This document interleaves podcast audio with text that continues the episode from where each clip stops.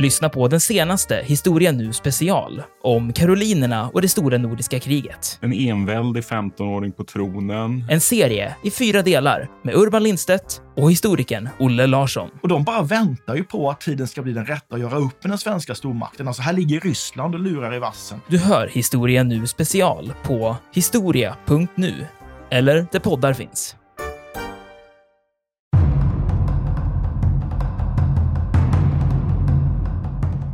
Men det är uppenbart att den, den civilbefolkningen, framförallt i stora delar av Österbotten, litar inte på de här deklarationerna utan faktiskt flyr. Och när de får det här datumet att de ska vara tillbaka på sina gårdar, när blir det plundring, ja, då inställer de sig inte. Och det är ju där då som eh, de ryska soldaterna får då så att säga klartecken eller carte blanche att genomföra plundringar. Och, och det är ju där i, i bakvattnet av detta då som det här övervåldet inleds. Och det handlar ju väldigt mycket om att man är våldsam mot lokalbefolkningen för att man vill pressa dem att berätta var de har gömt sin mat. Det handlar väldigt mycket om det. Och där ju särskilt kosackförband ut, utmärker sig på ett, på ett bedrövligt sätt.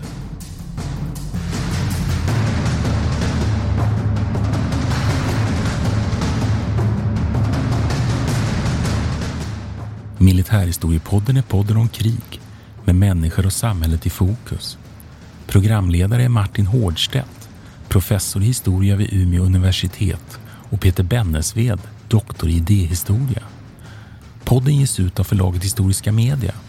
Stöd gärna MH-podden via vårt swishnummer 123 610 76 68. Märk betalningen med MH-podden.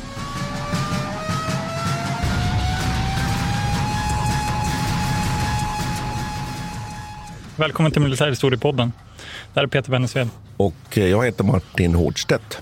Ja, vad, vad, ligger på bordet idag? Idag ligger det som kallas för Stora ofreden i finsk historieskrivning. Kanske även i svensk. Eh, men det vi brukar kalla nog mera allmänt för Stora nordiska kriget. Och här tycker jag direkt det är viktigt att komma då med definition. Att Stora ofreden det behandlar framför allt det här skedet som omfattade rysk ockupation och det vi idag kallar för Finland mellan 1713 och 1721.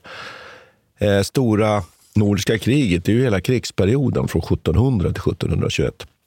Och ibland kan man se faktiskt att det förekommer att Stora ofreden även avser hela det här stora nordiska kriget. Men jag tycker nog att de allra flesta gör den här skillnaden.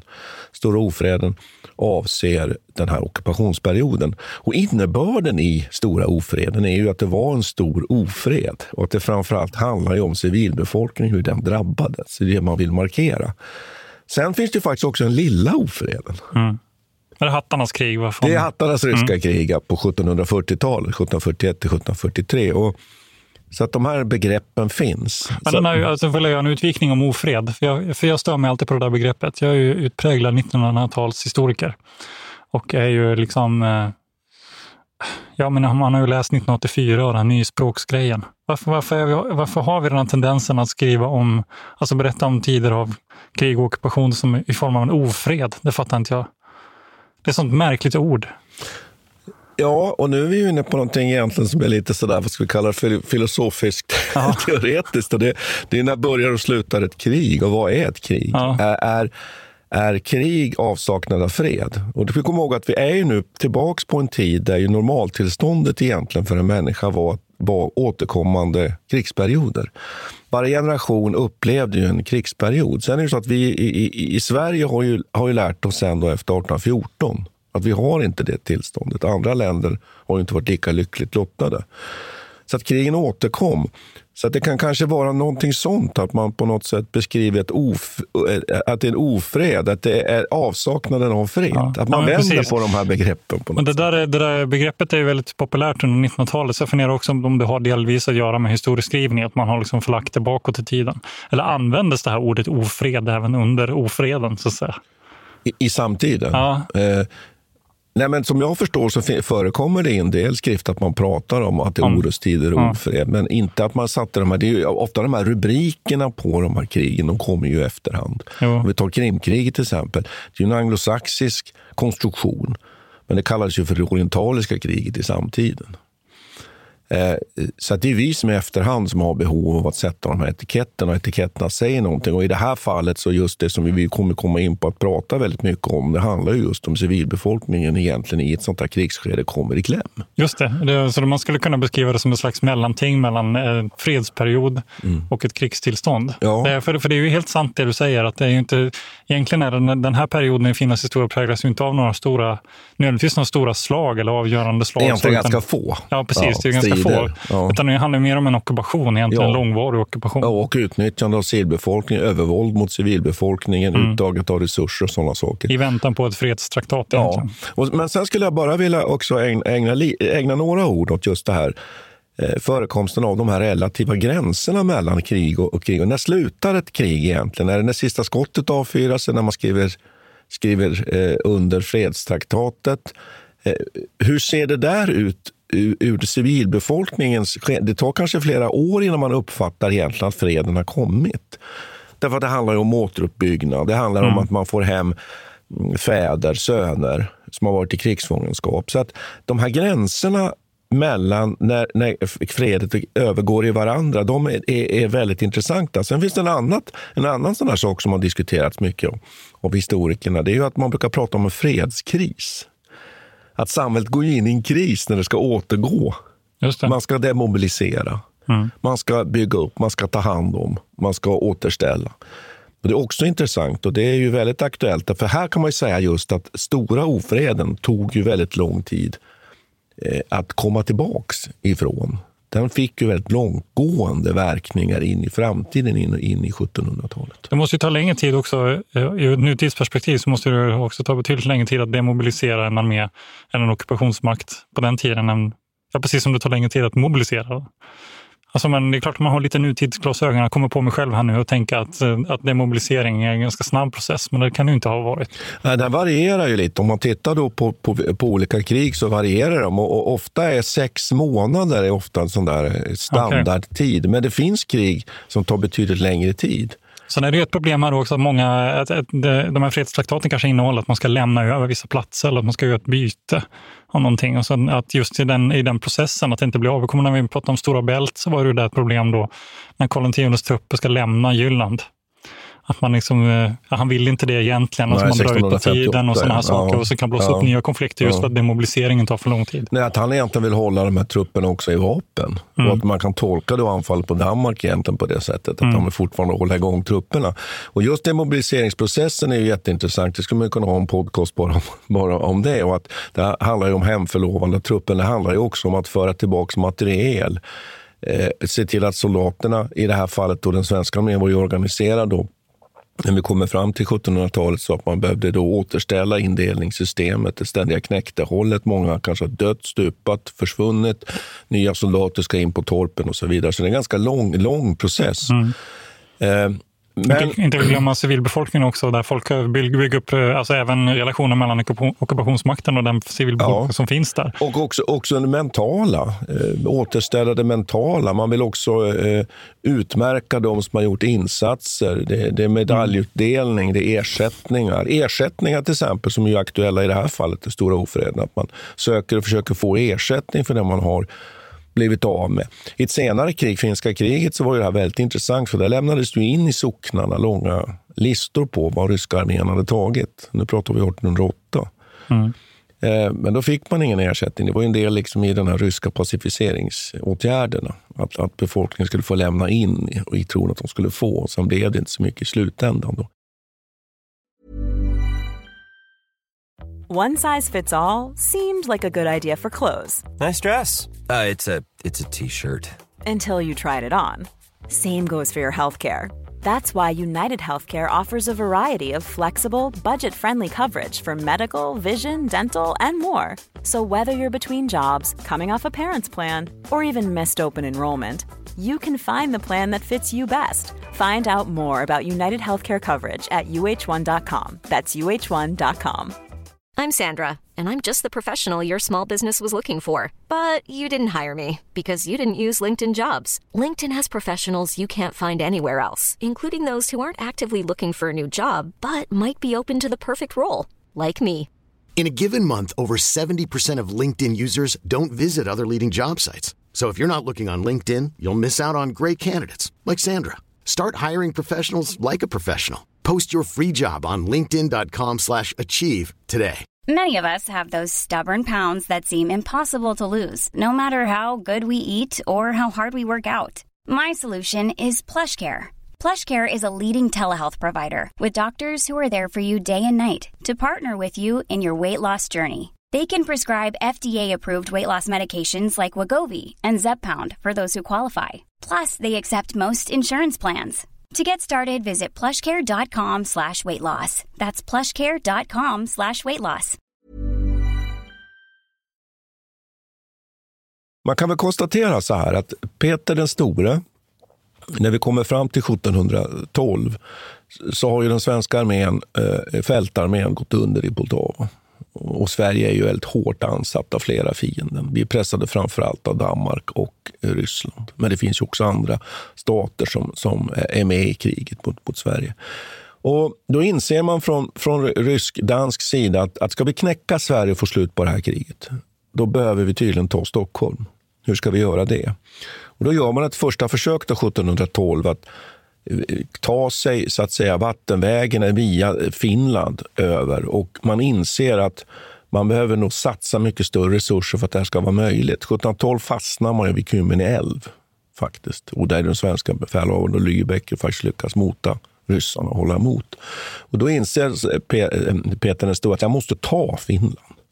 Jag kan inte bara studsa mot Finland eller använda vattenvägen för att ta södra Sverige för att sen ta Stockholm. Och Då börjar man en plan, planläggning och då inser man också att det går inte att landvägen bara ta Finland. Därför det kan man ju ta upp här att vägsystemet var ju framförallt koncentrerat till kustvägen. Det var ju den här kustvägen som gick då längs med hela, framförallt den som gick mellan Åbo, Helsingfors och sen bort till det inre av Finland. Men, eh, förlåt, in i Finska viken. Men i det inre av Finland där var ju vägsystemet väldigt rudimentärt och det byggs egentligen inte ut förrän under Gustav IIIs tid, i slutet av 1700-talet. Och där kom ju galärflottan in. Att här börjar Peter den store att dels organisera, bygga upp och sen använda en galärflotta som opererar längs med kusten i Finland. Då kan man kringgå de svenska eh, land trupperna, men man kan också föra in förnödenheter. Och galärflottan här, förstår att man, för att man ska förstå det här så måste man förstå betydelsen av galärflottan. Mm. man måste förstå också någonting om geografin i Finska viken. här. Alla skär och kovar ja. och sånt. Alltså det är som en labyrint, eller har beskrivits också som en, som en väldigt komplex labyrint och det är svårt att ta sig igenom med stora skepp. Och de behöver i princip ha sådana här piloter med sig överallt för att kunna ta sig igenom och hitta rätt väg. Ja, och att, att det är svårt också att hantera den här galärflottan från den svenska örlogsflottans sida. För Sverige har ju, har ju ett, ett eh, övertag med sin örlogsflotta på vattenytan. Och det här är också ett skäl att det är svårt att använda vattenytan för det anfallet mot södra Sverige också. Utan man måste gå så att säga, via södra Finland och Åland och, för att anfalla Stockholmsområdet. Och den svenska örlogsflottan kan ju inte operera med sina stora örlogsfartyg med sina bredsidesfartyg inne i den här skärgården. Det gör ju att den här galärflottan klarar sig undan.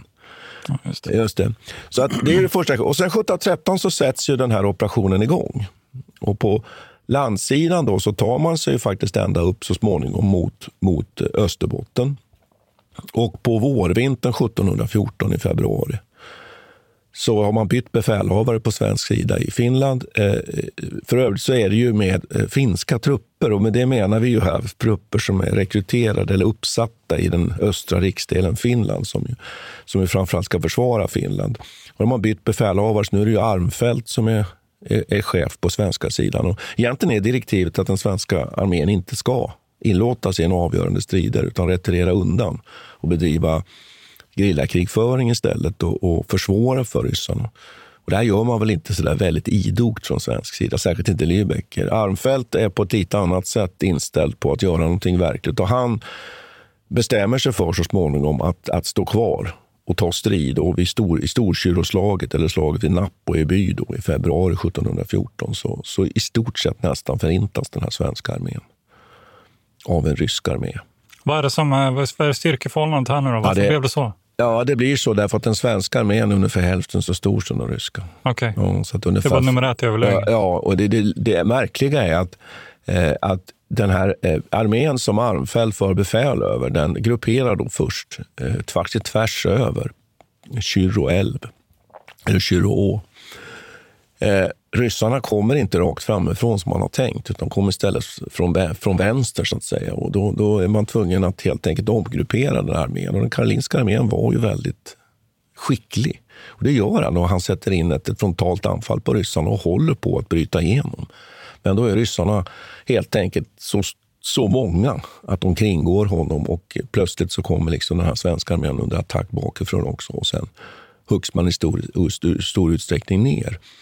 Eh, och det går att besöka den här platsen, Storkyrå kyrka. Och eh, platsen för slagfältet ligger inte särskilt långt från, från kyrkan. Så det är ju ett tips, ett semestertips till den som besöker Österbotten att åka till den här platsen. Men det här innebär ju då att den svenska armén är slagen och ryssarna tar över. Och sen, sen börjar ju ryssarna då att, eh, och det, det, kanske vi kommer till, man kan också nämna att den här galärflottan också på sommaren 1714 lyckas ta sig förbi Hangöudd. Och Hangöudd är ju liksom den sydöstra spetsen på Finland och där lyckas svenskarna hålla emot, därför där måste man nämligen ut på öppet vatten. Och nu har vi ju det, och där kan ju inte svenska örlogsflottan knipa de här galärerna. Men då lyckas man ta sig förbi Hangöudd.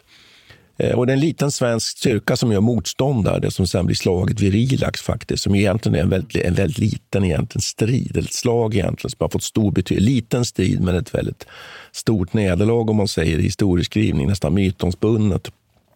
En svensk befälhavare försvarar då ett, ett, ett, ett gatt i, i vatten eh, i skärgården med en, med en eh, kanon eh, man skulle kunna säga egentligen inte ett, ett bredsidesfartyg utan snarare liksom en kan, kanonplattform.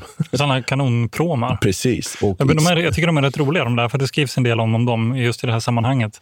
Det är, det är ganska unikt för just den här skärgårdstypen av eh, krigföring att man har dem där. De kan skjuta över öarna också. De kan ligga på andra sidan ett skär, en kobbe, och sen sitta och, och då skjuta över.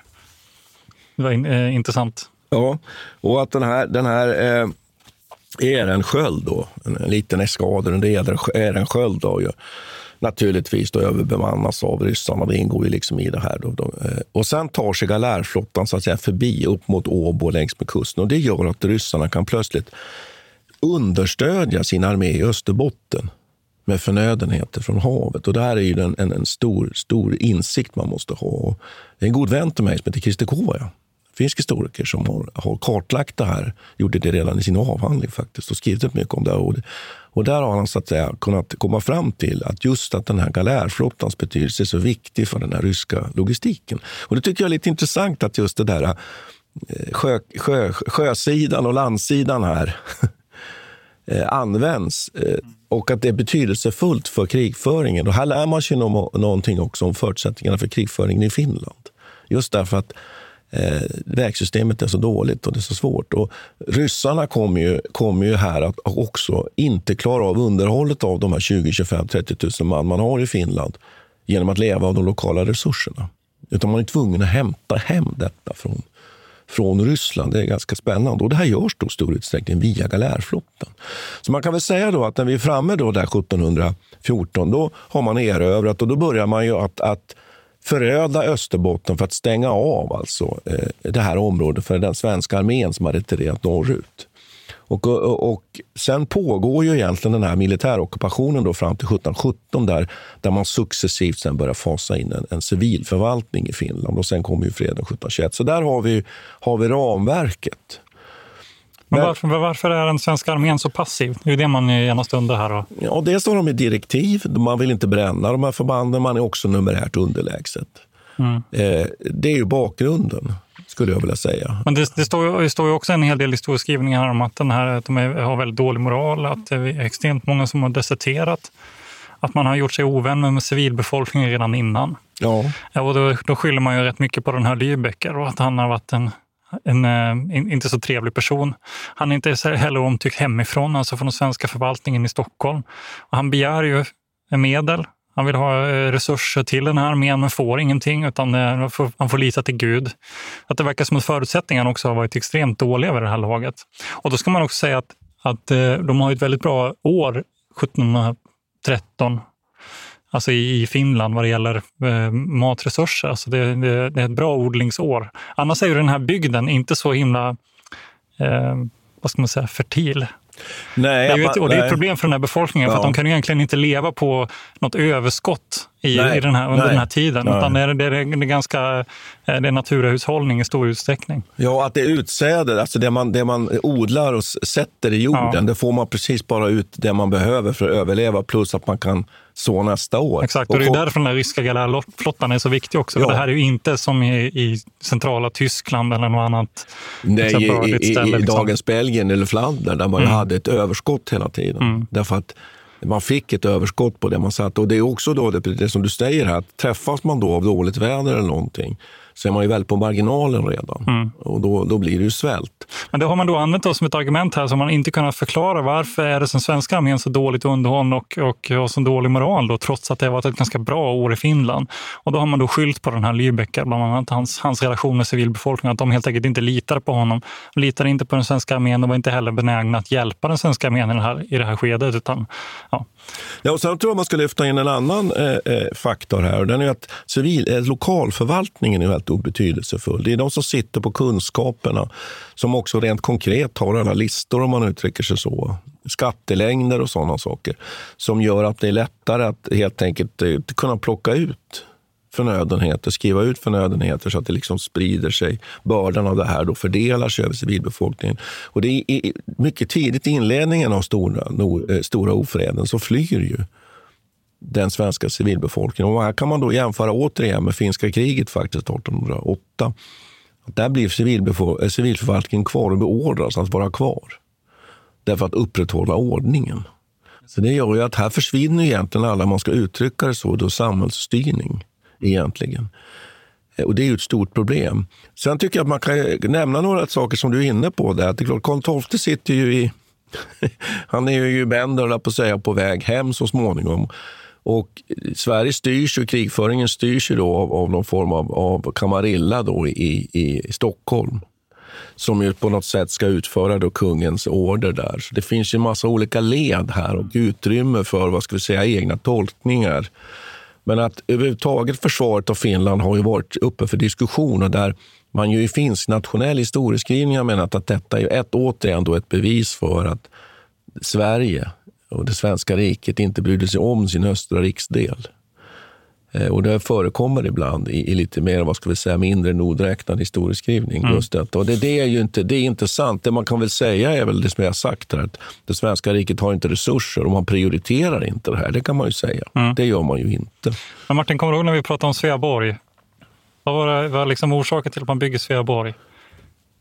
Ja, det är ju att man vill visa ett för den finska befolkningen i Finland, att man är beredd Ja. att försvara Finland. Och sen naturligtvis av militära skäl, man behöver en förrådsfästning och en plats att, att eh, ha sin skärgårdsflotta. Precis, men vi har ju. Sankt Petersburg också. Ja. Och det här är ju som, och det, det var kanske det jag tänkte på, att det här är ju, ofreden i Finland är ju ett väldigt tydligt exempel på vad Sankt Petersburg kan ställa till med. Ja, och Sankt Petersburg har precis blivit huvudstad. Exakt. 1712 blir det det i och det här är ju Ryssland. Peter den stores liksom, Ja. stora bragd.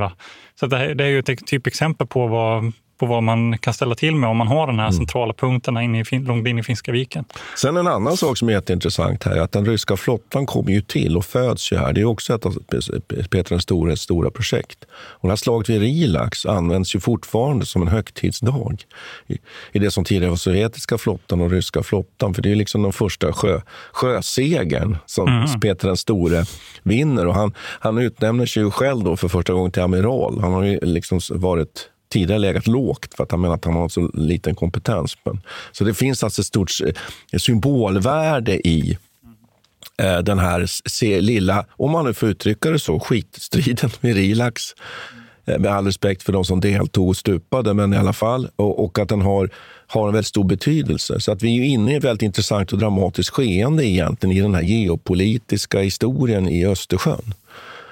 Men jag tänkte vi skulle kunna fördjupa oss lite kring de här Eh, resurs och utnyttning och plundringsfrågorna här, ärligt talat. För Den stora frågan är ju varför varför utsätts de här områdena för plundring? Vi har ju sagt att det finns liksom då ett operativt skäl, till och med kanske ett strategiskt skäl att stänga av det här området för den svenska armén, alltså brända jordens taktik. Men initialt så är det ju inte så, därför att ryssarna eh, har order. Ryska armén har order uppifrån av Golitsyn som är befälhavare. Även av Praxin som är en av underbefälhavarna. Att inte fara fram mot lokalbefolkningen på ett våldsamt sätt. Och Det är för att man inte vill underminera möjligheten att underhålla den ryska armén.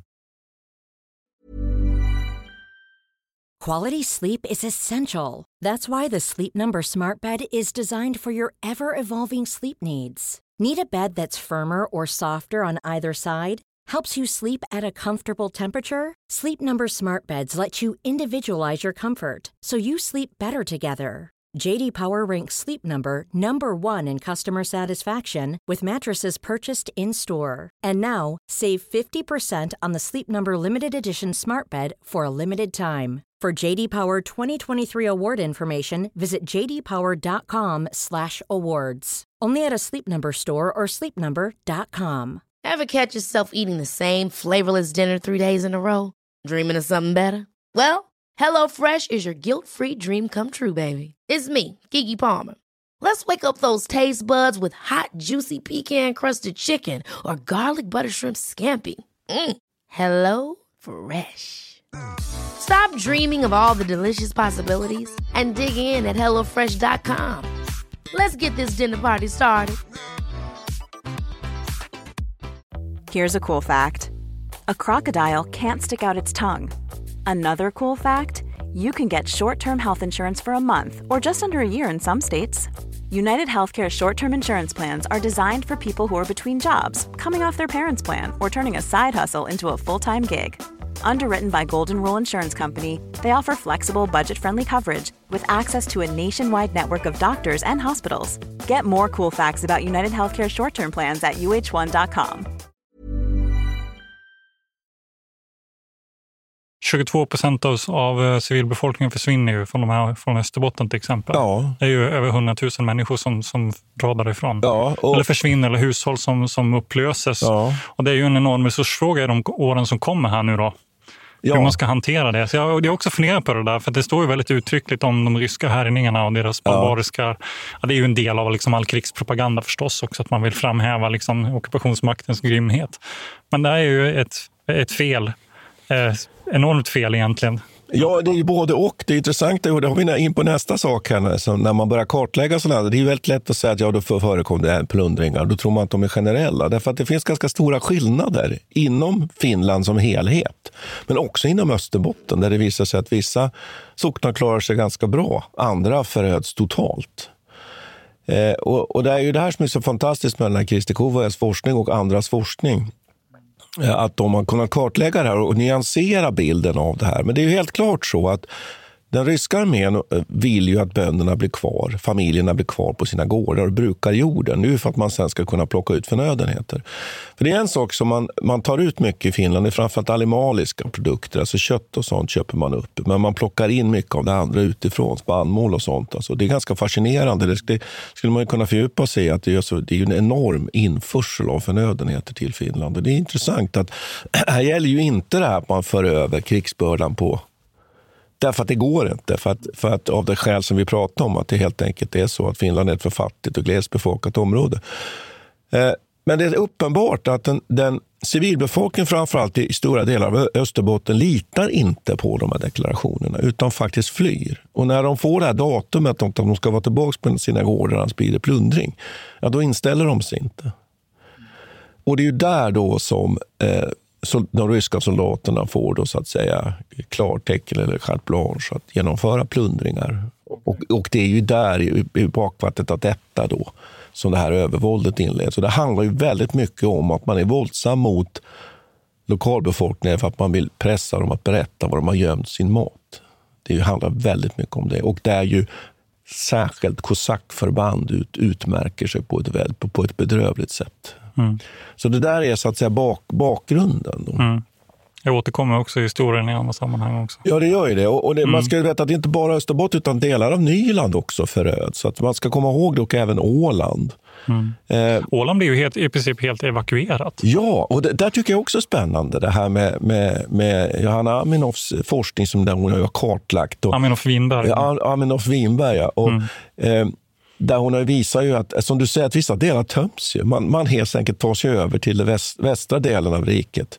Vi har pratat om att eliten gör det, men också att även om vi säger så vanliga människor faktiskt, och det är framförallt kustbefolkningen som har båtar som kan göra det här. Det är från Österbottens kustbygder och det är Mm. från Åland. Och det pågår en hel del smuggling här enligt henne. Att man smugglar folk eh, på liknande sätt som man smugglar folk över, eh, över Medelhavet idag.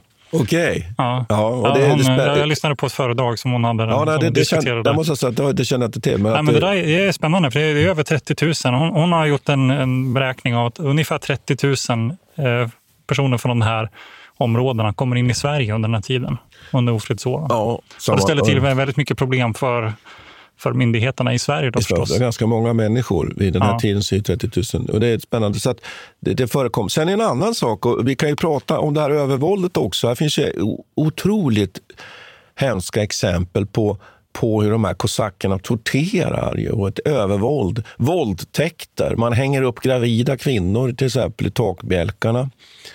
Eh, man, man eh, eh, eh, eh glöder, eller vad ska man säga, bränner folk i ugnar. Och det här är dokumenterat och det finns också en del rättegångsmaterial i efterhand. Med fruktansvärda scener får man ju. Det är ett övervåld utan dess like och det drabbar både män och kvinnor. Dessutom samlar man ju in eh, framförallt unga pojkar som man ju tar med sig. Man kidnappar ju tusentals människor, framförallt från Österbotten, som man tar med sig till ryska armén och även tar till Ryssland. Det är också en sån där eh, märklig företeelse. I vilket syfte då? Ja, att man vill använda de här pojkarna. Man menar att man till och med skulle kunna så småningom utbilda dem till soldater. Men man använder dem för olika sysslor inom armén och sånt. Mm. Och att man tar med sig hela familjer, kvinnor och barn. Och sol- Ryska soldater skaff- tar sig kvinnor. Eh, Det man ser den här be- befolkningselementen som en resurs på, på, på ett intressant sätt. Och Det förekommer också under den här perioden. Men det är ju koncentrerat till de här första åren, är viktigt att komma ihåg. Att det kommer ganska, ganska snart så lugnar ju det här ner sig. Det är fra- fram till ungefär 1716 som det förekommer då ett över, i, i perioder. Och Det är inte så att det pågår överallt hela tiden, utan det, är ju, det flyttar ju så att säga det här våldet. Jag blir lite chockad av den här grisigheten faktiskt. Eh, av Ja, grisigheten. Alltså, Ja, eh, och att man, och Jag känner inte till det. det. är ett väldigt våldsamt samhälle och det ska man väl komma ihåg att det ryska Mm. samhället var ju också ett, ett, ett eh, samhälle med livegenskap och ett väldigt övervåld i sig. Och det används ju här. Sen ska vi inte på något sätt eh, eh, förbise att även den svenska armén uppträdde på ett mycket våldsamt sätt nere i Europa under sina krig. Men här får man nog säga att de ryska metoderna under stora ofreden är nog väldigt vålds, utmärker sig för sin, för sin grymhet. Och jag har väldigt svårt för just det här våldet mot de här gravida kvinnorna som ju får missfall och sådana saker. Och, eh, och han beskriver Christer Kova i sin, i sin bok om, om stora ofreden som jag rekommenderar. Den är Finland stod i brand, heter den. Eh, så finns det många exempel på det. här. Det är ingen trevlig läsning. Jag faktiskt hoppar över lite ibland faktiskt, för att det är ot- otäckt. Men krig är ju också, har ju också den där sidan. Men sen inträffar ju någonting intressant. att Finland är ju på något sätt och har ju ingen svensk förvaltning. Och sen är det under någon form av militär förvaltnings... Ja. Och sen så småningom då försöker man ju ändå hitta en relation till civilbefolkningen. För man vill ju inte ha eh, uppamma det är ju sån här partigängeri och sånt här, grillakrigföring som ju förekommer ganska organiserat faktiskt i Finland under den här tiden. Det är ett problem för de ryska soldaterna. Så därför försöker man ju att på något sätt hi- hitta en, en pacificerings... eh, Ett sätt att pacificera den finska befolkningen. Och sen så småningom då framåt 1717 så börjar man successivt att införa civilförvaltning. Och då återgår ju egentligen i stort sett inom citationstecken egentligen eh, livet till det vanliga. Naturligtvis med skatteuppbörder och sånt för ryska armén. Men skillnaden blir så att säga mindre mot hur det var före den ryska ockupationen. det pågår ju ganska länge också. Ja, och där kan man fundera lite kring att hade man för avsikt att behålla, för det här tycker jag är en intressant fråga. Varför, varför vill man inte behålla Finland? Mm. Ja, precis, det där freds... eh, Vad är det i... Vad heter det? Ny... Nystad, freden i Nystad i 1721. Nystad. Ja. Alltså där, där, där är det Kecksholms län som de förlorar. Ja. Eh, vad är det mer? Och vi, vi, eh, de, delar av, av Viborgs län och de här inre delarna. Precis, jag också Mm. på varför, varför de har, om de ändå har kontroll över i princip hela Finland, varför släpper de, varför släpper de det då? Ja, och det kan man fundera kring. Därför att det är klart att den här, den här geografiska säkerheten för Sankt Petersburg, den, borde, den, den innefattar mm. att man bör ha kontroll över de södra delarna av Finland. Man får ju också baltstaterna förstås, ja. eller de svenska. Ja, och det, det, kan man ju spekulera kring det där. Det har ju forskningen också gjort. Det som, är, det som i alla fall ligger kvar sen, det är ju ett ryskt hot. Mm. En förevändning att, att förr eller senare vilja ockupera de här områdena. Det är ju inte några områden, man är ju inte intresserad egentligen av det inre av Finland. Det finns ju inte några rikedomar där som man är intresserad av. Utan det är ju inte mest det här skedet? Nej, kontroll över kust, kustremsan. Det är ju det man framförallt vill ha. Men just det här att, att, att man ju inrättar då en, en rysk förvaltning så småningom, det är ju ganska spännande faktiskt. För då är man ju under rysk förvaltning under delar av Finland i alla fall under fyra år. Och det är klart att där sätter sig ju vissa... Eh, det är också så att Finland är ju mera avancerat än vad stora delar av Ryssland. Och det är ju så att när erövringen sker 1808 sen så inkorporeras ju inte Finland fullständigt i det ryska. Därför det är för avancerat. Det är lite intressant, för vi har ju beskrivit Finland nu som väldigt fattigt och sådär, men det finns ju alltså en förvaltningsstruktur som ligger på en helt annan nivå än, mm. det ryska eh, kejsardömet i övrigt. Hey folks, I'm Mark Marin from the WTF podcast and this episode is brought to you by Kleenex Ultra Soft Tissues your ally to help tackle your allergy symptoms this season. I love the change of seasons, but nobody loves pollen and all those other things floating in the air that make you sneeze during this nice weather. Kleenex Ultra Soft tissues are hypoallergenic and allergist approved. So fight back against watery eyes and runny noses without worrying about irritating your skin. For this allergy season, grab Kleenex and face allergies head on. Hold up. What was that? Boring. No flavor. That was as bad as those leftovers you ate all week. Kiki Palmer here, and it's time to say hello to something fresh and guilt-free. Hello Fresh. Jazz up dinner with pecan-crusted chicken or garlic butter shrimp scampi. Now that's music to my mouth. Hello Fresh. Let's get this dinner party started. Discover all the delicious possibilities at hellofresh.com. Traffic jams tailgating, pileups. Ugh, the joys of driving. How could it get worse? The federal government wants to have a say in what you drive. That's right. The Biden administration's EPA is pushing mandates that would ban two out of every three vehicles on the road today. Don't let Washington become your backseat driver. Protect the freedom of driving your way. Visit EnergyCitizens.org. Paid for by the American Petroleum Institute. Det här är också slutet på Sveriges storhetstid. Det är ju liksom det definitiva slutet. Nu inträder en helt ny epok i Sveriges historia egentligen. Där man får, får liksom finna sig i att vara en, en, en, eh, mellanspelare bara. Ja, så stor, stora ofreden och stora nordiska kriget är ju avslutningen på eh, den svenska stormaktstiden. Mm.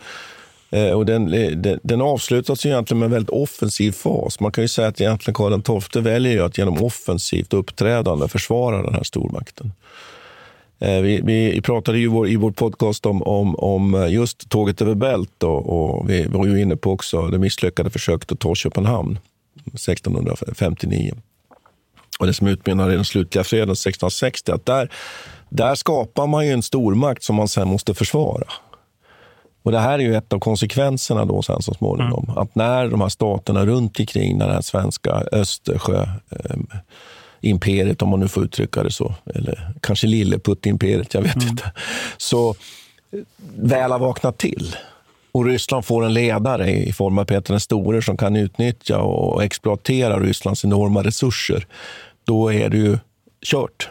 Det är ganska bra exempel på det här begreppet overextension man använder på engelska. Man har liksom sträckt ut sitt, sitt rike för stort och det är svårt att underhålla alla delar av det. Ja, och att det också och blir... Ja. Ut, utarmat under lång tid också. Man kan, inte helt enkelt, man kan helt enkelt inte liksom vaska fram nog med folk längre. Sverige är ju inte så folkrikt heller. Nej, och att vi under en period, och framförallt på, under 1600-talet och 30-åriga kriget lyckas ju ha stora så att säga, militärpolitiska framgångar därför att vi är helt enkelt duktiga på att föra krig och att det går då. Men sen när vi kommer in i en ny tid, det behövs andra resurser och framförallt att, som jag, som jag sa alldeles nyss, att makterna runt omkring oss börjar vakna till Då går inte det här längre. Sen, sen är det intressant tycker jag att en, en, av, en av idéerna för att försvara det här Finland som ju nu härjas väldigt svårt under Större Nordiska kriget under stora ofreden, det är ju att försöka återta Baltikum. Det är det man försöker i hattarnas ryska krig på 1740-talet och sen även Gustav III på 1700, slutet av 1780-talet. Så det är lite spännande, mm. apropå det med overextension, att man, man på något sätt försöker sträcka ut det här riket igen. Mm. Och det handlar ju om, om geografin, återigen. Ja, och sen så och lite senare så kommer också en konsolideringsperiod där man försöker, 1756 sätter man igång med bygget av Sveaborg till exempel. Ja. Man inser liksom att nu, måste, nu är det nya förutsättningar. Nu är Sankt Petersburg etablerat, Sankt Pet, eller den ryska björnen är, är igång. Så nu, nu måste vi, man sätter också igång och bygger skärgårdsflottan som vi också diskuterat. Lägga upp en, en, en, helt ny typ av... Och man fortsätter med det här galärbyggandet, ja. det som är unikt i Europa. Ja, det var det. Och de här specialfartygen mm. som man utvecklar. Och att, att Sverige är där, egentligen skulle man kunna säga att det där är den finska tiden i svensk historia faktiskt. Därför att mycket av resurserna och intresset hamnar ju på, åtminstone utrikespolitiskt och militärt, på att försvara och konsolidera den här östra... Och mycket faller ju tillbaka till det, det, det, som är temat idag, den här, den här, den här eh, ofreden. En sak som jag skulle vilja ta upp här, det är ju att är den här plundringsverksamheten och förödandet av Finland, är det unikt? Är det så att, att det här är särskilt grymt? Det är klart att det blir lätt så i, i finsk historieskrivning naturligtvis, att man fokuserar och tittar på vad som hände i Finland och så tycker man att det och som vi har varit inne på, det här våldet.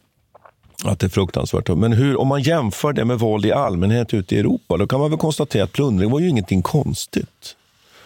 Utan det var ju en, en metod för underhållande av trupperna som ju användes, men som ju börjar fasas ut egentligen. Som ju börjar försvinna allt mer under just 30-åriga kriget. Därför att man menar att släpper man ut trupperna i områden att plundra så förstörs också så oerhört mycket. Så man kan inte säga att egentligen att plundringen av Finland, vare sig till sin omfattning eller storlek, är särskilt unik och brutal jämfört med, med europeiska andra exempel. Det kan man inte säga. Men att den naturligtvis, när man bara studerar den, så framstår den ju som, som förfärande i sin omfattning. Och också att det tar många årtionden att komma tillbaka. Återhämtningen efter finska kriget 1808 den var, den var ganska snabb. Men här, det här tog verkligen tid att återkomma. Jag fick en fråga från, eh, faktiskt från en lyssnare efter vårt avsnitt om pacifismen. Eh, som undrade om det, om det har skett någon slags, eh, slags civiliseringsprocess i liksom människans här, förhållande till varandra, att vi är mer, mindre benägna. Det där är ju en gammal, en gammal teori som en, en känd historiker och sociolog framförallt utvecklade under, jag vet, någon gång under mitten av 1900-talet. Men det kan man nog konstatera att något sånt finns inte. För även om det är precis som du säger, även om det här framstår alltid som grymt och, och fruktansvärt när man väl läser om det, så är det ju någonting som pågår fortfarande idag också. Den här typen av grymheter och tortyr är liksom ingenting som har slutat. Nej. Även om vi kanske just från svenskt perspektiv har varit skonade. Eller kanske framför allt är det väl bara därför att vi tänker så, kanske att vi har varit skonade under så lång tid. Mm. Och sen kan man ju tycka att det går ju att samtidigt eller tidigare under stora nordiska kriget. Så medan den svenska armén opererar ju till exempel nere i Polen det skulle vara intressant att undersöka hur... Ja, just det. Ur Pols perspektiv är ju det här av de värsta åren i deras... Ja, ja och, och, där, och, och, hur, och, vilka proportioner ja. hade det? Och vi kan ju rada upp sådana exempel från svensk krigföring också. Nu måste man inte alltid liksom värdera och moralisera över historien. Alltid. Det tycker jag inte. Men jag tycker att det är intressant i alla fall för att sätta den här mm. händelsen i ett perspektiv. Det ja, de skyller ju i princip på, på Sverige där, att, vi, att, vi, att den svenska armén i princip undergrävde hela liksom, jordbruksekonomin. I Polen, här, ja. i Polen ja. som sen ledde till att det här landet inte kunde hävda sig mot varken, varken Ryssland eller Preussen sen. Mm, och det, det, känns ju kanske inte riktigt som att ja. det skulle varit bara den enda orsaken till att Polen inte klarade sig. Nej, men, det, men det är precis, men det är en viktig del av deras men, men, sen, men så tycker jag också just detta att man alltså att, att det som jag varit inne på, som jag tycker liksom skulle kunna vara på något sätt en slut, slut, sammanfattande slutvinjett, att, att Finland ju faktiskt töms i stor utsträckning på folk. Alltså städer och byar blir tomma.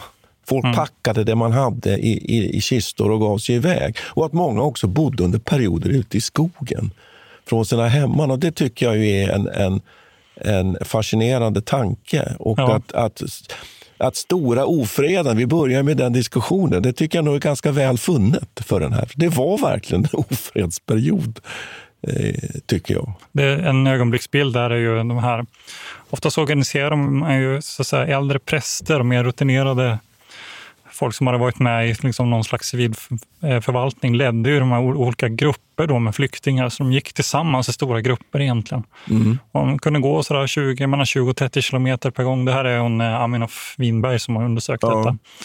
Eh, och hade man boskap med, boskap med sig så gick det betydligt saktare. Så, de, det, så vandrade de längs med kusten egentligen, in i Sverige. De, jag antar att de flyttade runt i Finland också för en del, men en stor del gick ju till Sverige. Så det tog väldigt lång tid det är ju en långa sträckor. Att dels bara ta sig upp till Torneälv och sen så ner, ner hela vägen till Stockholm. Man bildade ju en slags flyktingkommission i Stockholm också. Men då var ju uppmaningen då som hon skickade ut till alla präster i den svenska kyrkan då, att de flyktingar som befann sig i landet skulle, skulle då ta sig till Stockholm för att kunna kvittera ut något av det här stödet. Och det var väldigt svårt att samla ihop också. Det var en rent logistisk fråga. Faktiskt är det så att Västerbotten också fick ta emot väldigt många av de här flyktingarna. De som kunde ta sig över vattnet hamnade ju ofta i Västerbotten. Så just här i, i de här eh, kuststäderna, eller kustbyarna rättare sagt, som fanns på den här tiden så var det mycket finst eh, ja, finska flyktingar. Det finns en eh, känd person som hon tar upp här som heter Edvard Lydbeck som är ganska typisk. Då. Han någon slags utbildad präst då, som först hamnade i Riga men sen var tvungen att fly därifrån under den ryska ockupationen där. Flydde tillbaka till Finland, eh, fick sen ta sig till Åland eh, under den ryska ockupationen i Finland, tog sig över till Sverige och slutade som kyrkoherde på Öland. Så att eh, det är som Ja, det... det... är en ganska stor resa att göra. Ja, och där tycker, jag, där tycker, man, tycker jag man kan dra direkt slutsatsen att, att den här formen av, av människoöden och stora förflyttningar, det, det kommer ju senare i historien också, men det är inte bara liksom ett 1900-talsföreteelse. Ja. Utan det här fanns ju tidigare i historien och ofta glömmer vi det. Och det, det är väldigt fascinerande. Och med den tidens kommunikationer som ju var på, te, på, på ett helt annat sätt. Men också tänker jag osökt på att när det har blivit krig och orostider så har ju människor just från Finland ju tagit sig västerut. Det, så var det ju också under, under senaste kriget, andra världskriget, där vi tog emot flyktingar. Det är spännande. Och det är återigen den här, den här slutsatsen att Finland, Finland är alltid hotat och, och råkar alltid ut. Och Sverige är skydd, alltid skyddat av den här finska landmassan och dess befolkning. Eh, vilket ju är på något sätt en ojämnhet i våra, våra, våra för, förutsättningar egentligen geopolitiskt. Att Sverige alltid alltid skyddat av ett Finland som alltid hotat den där geopolitiska asymmetrin och att det får såna här mänskliga konsekvenser. Men, men vad säger vi Peter? Är vi nöjda? Eh, vi ska ju fortsätta att, att, spela in under sommaren så vi hoppas att alla håller ut. Eh, och vi har några saker på gång. Vad, vad, ska vi vinka för? Lite kolonialkrig? Ja, precis. Opium. Nästa, precis. Jag, jag har landat i att det blir en del om eh, opiumkrigen och kanske framförallt öppningen av Japan. Som knyter an till det här avsnittet vi gjorde för ett tag sedan om eh, Japans historia. Men vi får hoppas att ni har en bra sommar, ja. var ni än är, och eh, på återhörande. Tack ska vi ha. Tack ska vi ha. Vi tackar Peter Bennesved och Martin Hårdstedt. Kontakta gärna Militärhistoriepodden via mejl på militarhistoriepodden at historia.nu. Peter och Martin vill gärna få in synpunkter och förslag till programidéer.